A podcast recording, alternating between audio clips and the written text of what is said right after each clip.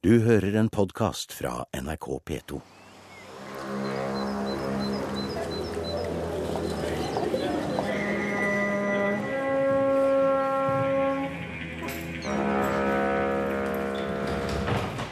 Dette er toner som kanskje noen av museums lyttere kjenner igjen som underlagsvignetten til podkastprogrammene.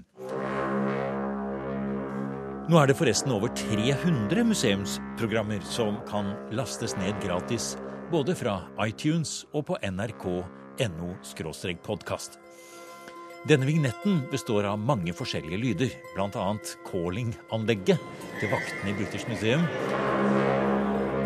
tunge basslyder fra en bronsealderlur, bekkesus fra området ved Lista og skritt fra Cooper Gate i gamle York, pluss Terje Rypdal og Jan Garbarek.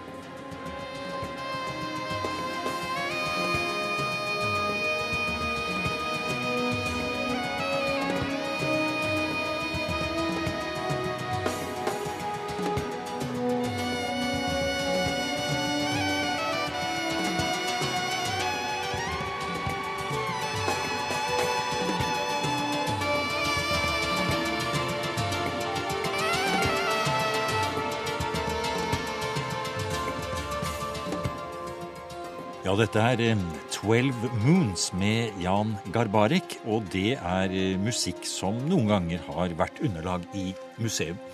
Men akkurat dette museumsprogrammet akkurat nå, det er altså litt annerledes enn de vanlige programmene. Det er litt musikk her, og det skal det bli også litt mer av utover i dette programmet. For den største forskjellen er kanskje det at nå har sommeren begynt i museum. Og fremover i sommermånedene så skal vi ha en del forskjellige eh, sommerrepriser og klipp. Men først, Jan Henrik Ilebekk, først Jan Henrik, så må vi fortelle at det er jo også andre endringer i museum. Ja, jeg har jo vært så heldig å få lov til å lage flere museumsprogrammer nå enn jeg noen gang har gjort. Jeg har holdt på og vært vikar innimellom opp gjennom de senere åra. Og nå er det nesten uh, for fullt.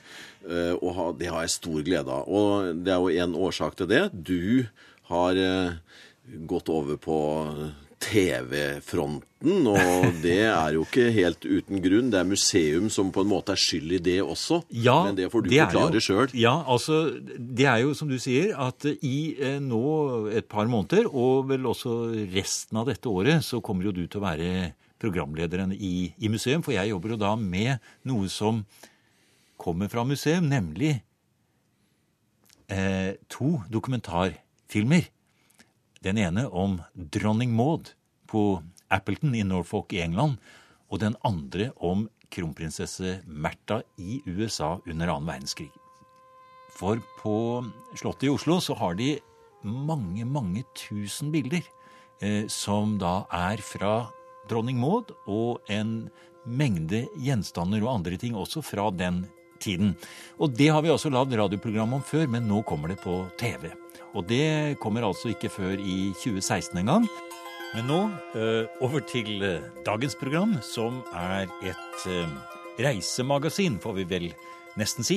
Vi har plukket ut, Jan Henrik, en del klipp fra programmer som vi har sendt tidligere her i museum.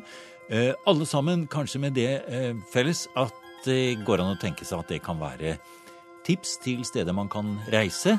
Vi skal innom både USA, Helsinki, Roma og plastbåtene langs norskekysten. Ja, plastbåtens eh, historie faktisk, og tiden er jo nå. Det er sommer, og nå er det tusenvis av båter eh, langs hele landets eh, kyst. Og det er fortsatt mange flotte trebåter og de som sverger til dette materialet, men eh, det var en som het Herbert eh, Vårum i Grimstad, ingeniørstudent, eh, som rett etter krigen fant en liten bit som han lurte på hva var. Det var en rest av et tysk fly som hadde nødlanda, skråstrek styrta ute på et jorde. Og som eh, Grimstads tekniske skole fikk tilgang til, hvor Herbert Vårum da var elev. Og han plukka med seg denne biten, kunne bore i det, varme det opp og bøye det, og det ble sånn. Det ble inngangen til et spennende plastliv, og han lagde eh, en av de første Han lagde den første båten og starta sitt eget firma som et Herva. Da starter vi denne lille skal vi si, magasinsendingen i museum. Det kommer mange klipp nå etter hvert, også fra andre steder. Men vi starter her i Norge. Vi starter med plastbåtenes historie og Herbert Vårum. I 1956 etablerte Herbert Vårum sin egen bedrift, Herva Plast AS i Grimstad.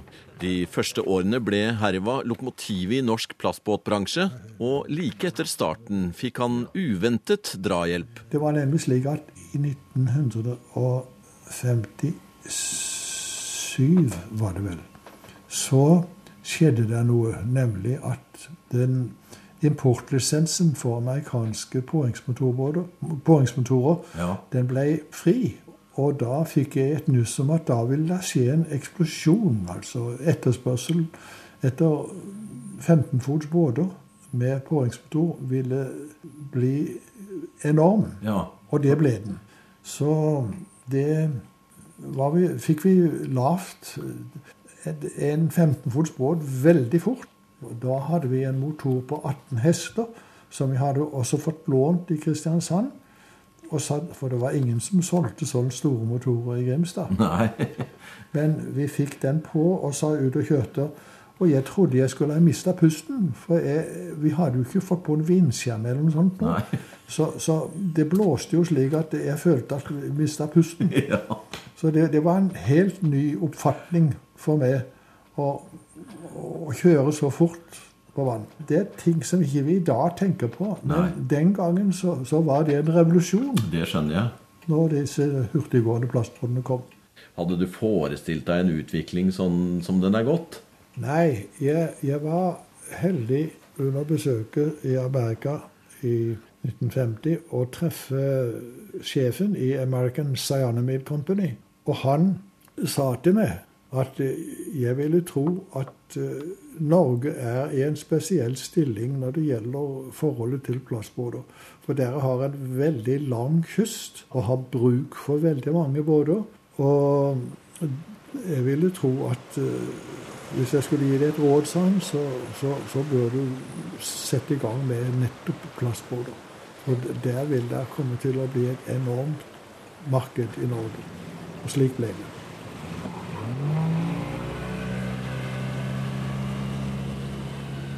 Denne utgaven av Museum er en slags start på museums sommersesong. Hvor vi kommer til å sende fire-fem utvalgte repriseprogrammer og legge ut mange nye podkaster fra museumslager.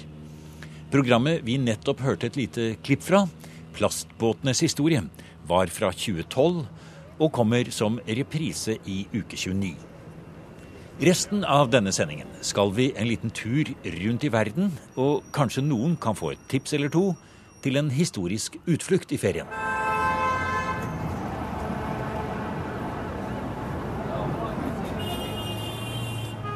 New York er jo et sted mange nordmenn ferdes, og den norsk-amerikanske historien i f.eks. Brooklyn er velkjent. Men hva om vi går enda lenger tilbake i tid, til 1600-tallet? Den gang indianerne holdt til på Manhattan. Og det var fullt av bever i det som nettopp hadde fått navnet Hudson River. Da var det mange nordmenn i Ny-Amsterdam. Så mange at det satte sitt preg på den lille handelskolonien nederlenderne anla på sydspissen av Manhattan. Sammen med arkeolog og forfatter Frans Arne Styligard var museum på besøk i Hudsondalen og på Manhattan i august i fjor. Vi var på jakt etter de stedene som fortsatt bærer med seg spor etter nordmennene, som var blant pionerbosetterne på 1600-tallet i den nederlandske handelskolonien Ny-Amsterdam. Ja, nå har vi funnet oss et, eh, skal vi si, et litt rolig hjørne, hvis man kan si det, her i New York. Vi står oppe ved Trinity Church og denne lille kirken fra slutten av 1600-tallet som ligger innrammet da av de moderne bygningene her like ved Wall Street, og selvfølgelig da Ground Zero og alt det som kjennetegner det med den moderne tiden. Eh, men her hvor vi står nå, Frans Arne, så har vi jo like her på da Broadway og Wall Street, så er vi i ytterkanten av Ny-Amsterdam. Mm. Broadway var uh, en av de gatene som har vært her uh, siden tidenes morgen. Den, det var den eneste veien som lå her når, uh, når europeerne kom i 1620-åra. Det var en viktig ferdselsåre for indianerne, fordi altså, og med indianerne så mener jeg egentlig lenapene, men det var mange, det var mange forskjellige indianske Eh, stammer, grupper i dette området. Veldig mange. Og akkurat eh, Manhattan tilhørte eh, lenapene. Og de hadde, de hadde en viktig fangstboplass, eller flere antagelig, her på sydspissen av Manhattan. Og veien mellom innlandsboplassene og kystboplassene til lenapene, det er Broadway.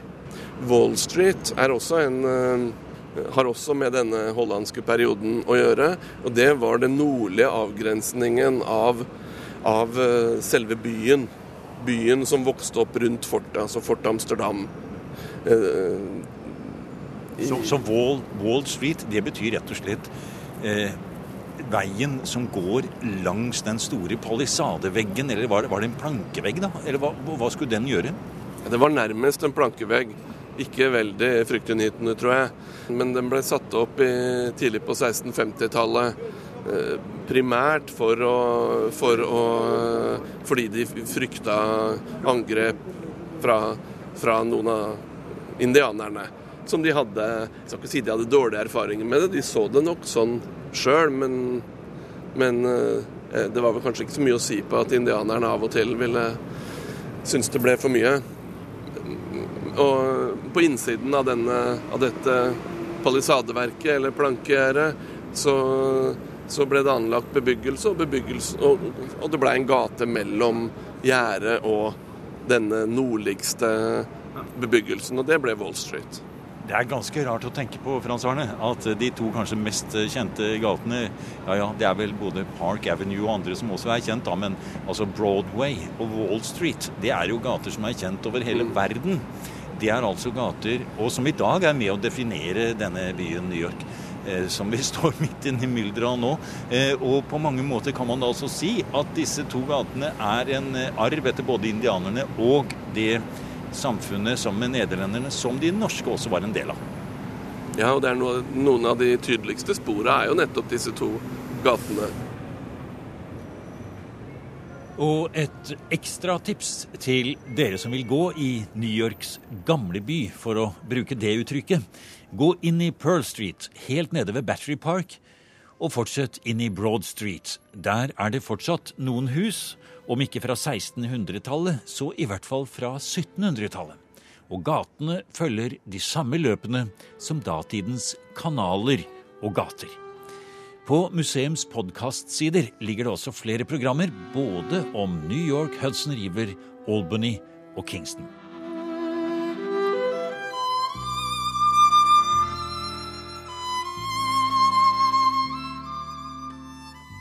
Og når vi snakker om innvandring på 1600-tallet, så vil museum også anbefale at de som skal til Helsinki i sommer, tar en tur til det flotte Finlands nasjonalmuseum for å se en sjelden utstilling om skogfinnene i Norge. For første gang er en stor samling gjenstander, kunst og folkeminne fra den finske utvandringen til Norge på 1600-tallet dokumentert. Utstillingen er flott også rent designmessig, med lys, film, fotokunst og lydeffekter. Pian leimusi paikalla kaksi ja puuro Ja isoja kaulaliinoja ja kaikkea tuota. Ruoka ei ole erilaista isännälle kuin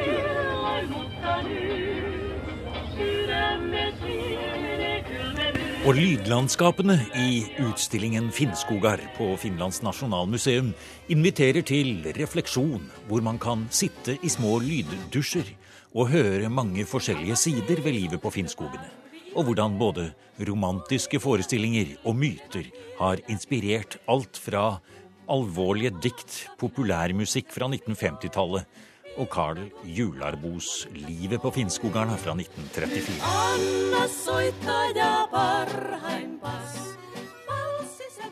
Men lydkulisser, film og dataskjermer er bare en liten del av denne utstillingen.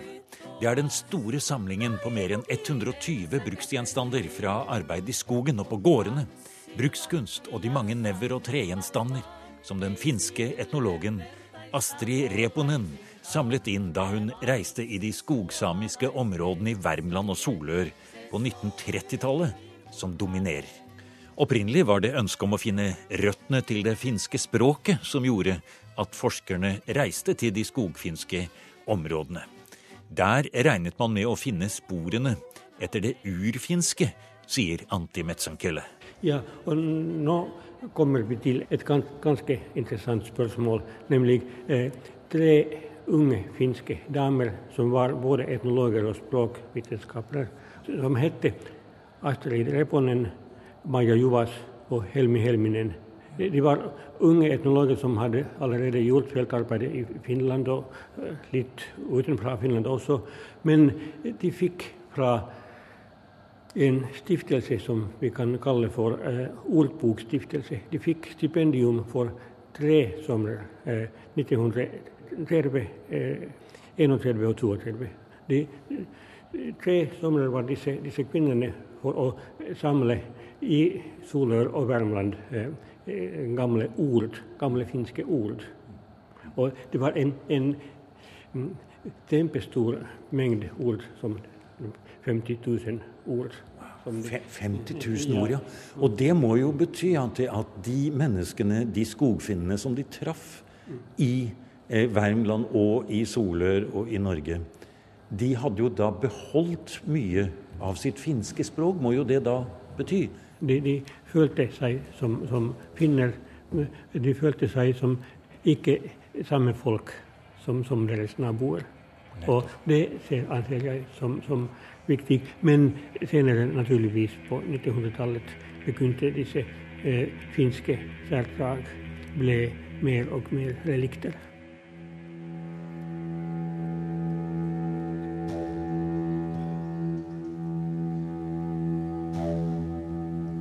Utstillingen i Helsinki står til 15. august. En sjelden anledning. Mer om utstillingen på Finlands nasjonalmuseum og et besøk på Svullrua i Grue i den norske Finnskogen er å finne på museums podkastsider. Og nå til noe helt annet, som det heter. Ja, du, For meg er det nesten som å komme hjem. Jeg bodde her i fem år uh, da jeg var liten. Så, og Det var på et tidspunkt hvor man kan si verden var litt mer naiv, og i hvert fall følte den som ufarlig. Så jeg vandret rundt som guttunge i alle gater i, i byen og fikk en kjempeinteresse spesielt for da uh, klassisk arkeologi. Så vi ser eh, Palatinhøyden til høyre. Ja. Og så kan vi gå bortover. og Vi ser forbi Forum Romanum, og så kommer vi til Victor Emanuel-monumentet. Vi ser eh, Quirinale, vi ser nedover mot det franske kulturinstituttet, som da ligger på toppen den spanske trappen. Vi kan se nedover til Justispalasset, og så bak, som ikke vi ser ordentlig, ja. så ser vi da Peterskirken. Og da er det i hvert fall ikke noe tvil om at vi er i Roma. Og denne gangen foreslår museum et besøk til Det norske instituttet i Roma. I utgangspunktet åpent kun for stipendiater og forskere. Men det er mulig å ringe på i kontortiden, og da vil sikkert den norske staben åpne og slippe interesserte norske historieturister inn i den flotte bygningen. Der kan man nyte både biblioteket og den flotte utsikten over Romas syv høyder. Vi hørte nettopp tidligere ambassadør til Den hellige stol, Rolf Trolle Andersen, på takterrassen. I et program fra 2012 som vi sender senere i sommer. Her er arkeolog Øystein Ekroll fra samme sted. Jeg mener Det er jo ikke noe rart Øystein. folk reiser til Roma hvis det er så pent vær her. Ja. Se på den utsikten over eh, byen her. Og hvis du skulle Hvis du skulle peke ut noen av de historiske tingene her, kan vi se Peterkirken her? Det kan vi vel ikke, for den ligger vel bak? Nei, den ligger, den ligger skjult til venstre bak denne Gianicolo-høyden. Men eh, hvis vi ser rett fram, Ja. så ser vi den store, hvite marmorbygningen. Det er Victor Emanuel-monumentet, og den ligger da inn til Kapitol, som er jo den viktigste, kanskje, av de sju høgdene Roma var bygd på. Bak der har vi Aventin, og så ser vi noen store ruiner av teglstein der borte. Ja. Det er restene av keiserpalasset på Palatin. Og av keiserens palass på Palatin, det ga jo da opphavet til ordet palace, eller palatium, eller palass, som vi kjenner det. Selve palasset er jo så godt som borte. Ja. Så vi må tenke oss det her er dobbelt eller tredobbelt, kanskje. Og det søkker foran, da. Der ligger jo Circus Maximus. Det store sirkus, altså veddeløpsbanen. Eh, som hadde plass til eh, Man antar kanskje 150 000 mennesker kunne få plass der. Langt er større enn Colosseum. Colosseum hadde plass til ca. 50 000. Men på Circus Maximum kunne da eh, to-tre ganger flere få plass. Og skal vi si det, det gamle midtpunktet ser vi mellom det Der, pinjetreet og den kuppelen Mm. der. Der ser vi det, det buer taket på Pantheon. Der Den eldste bygningen i Roma. Den er en av verdensarkitekturens mesterverk, som har stått der da i nesten 2000 år. Med sin 48 meter breie kuppel, som først ble overgått av eh, Michelangelo på 1500-tallet. For en utrolig kontrast det er når vi ser utover dette flotte kulturlandskapet. Og så reiser det seg altså det er en stor kuppelbygning midt i vårt, vår utsiktslinje her nå, fra taket på Det Norske Institutt. Eh, og da tenker man jo på 2000 år. Da bygde de flotte hus i Norge også. eh, Jernalderhus. Eh, de var en litt annen type arkitektur. Men, eh, og de reiste jo mye den gangen. Kanskje de var her nede også allerede da. Og da så de i tilfelle Pantheon, den samme bygningen som vi Ja. ser her. Det har de gjort. Og nå ligger den litt skjult, eh, men vi, vi, kanskje vi klarer å skimte deler av Colosseum. Og det er jo en veldig interessant hypotese som eh, en norsk religionsforsker la ut, eller kom fram til på tidlig 1900-tall. Han tenkte seg at når du leser i, eh, i norrøne eh, altså gudelære om Valhall, med alle de portene, så mente han at det er, det er Colosseum med alle sine innganger og utganger, som er faktisk eh, inspirasjonen til Valhall. Slik som den ble forestilt i Norden. At det, det var germanske krigere som hadde vært i, i Roma, hadde vært med på sirkus. Det var jo et enormt, en enorm opplevelse å se titusener av folk som kunne strømme inn og ut av dette enorme anlegget på veldig kort tid. Det- var egne innganger, og det var egne utganger. Utgangene heter vomitorium. Det, på engelsk heter det jo to vomit, altså det å, det å spy ut. Ja. Eh, Så man gikk inn inngangen og ut vomitoriet. Og det har da gjort inntrykk som faktisk har Og, og, der, og der opptrådte jo keiseren i sin losje, naturligvis, i Colosseum også. Liksom Odin regjerte i Valhall, så regjerte keiseren i eh, Colosseum. Når vi står og ser utover den såkalte evige stad, som den også vel kalles, Øystein, når vi står her og ser utover Roma eh, og ser fjellene bak her, og det er ganske flott, eh, flott utsyn, så er det sånn at et sted som er det stedet hvor man skal se en by når man er på vei til den. Når man har gått av sted, for målet er kanskje Roma, så er det noen høyder man kommer over, og så ser man utover det hele. Det er noe som byplanleggerne tenkte grundig over.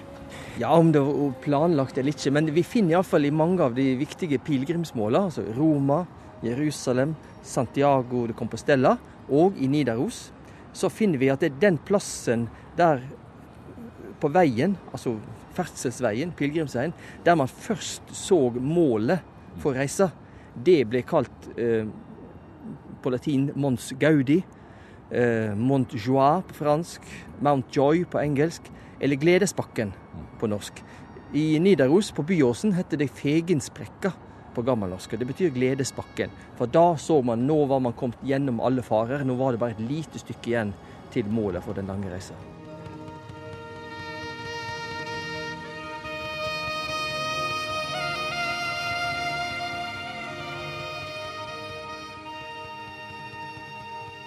Og med arkeolog Øystein Eckerholls forklaring av Mons Gaudi fra taket på Det norske instituttet i Roma, er vi kommet til veis ende i museums første sommermagasin.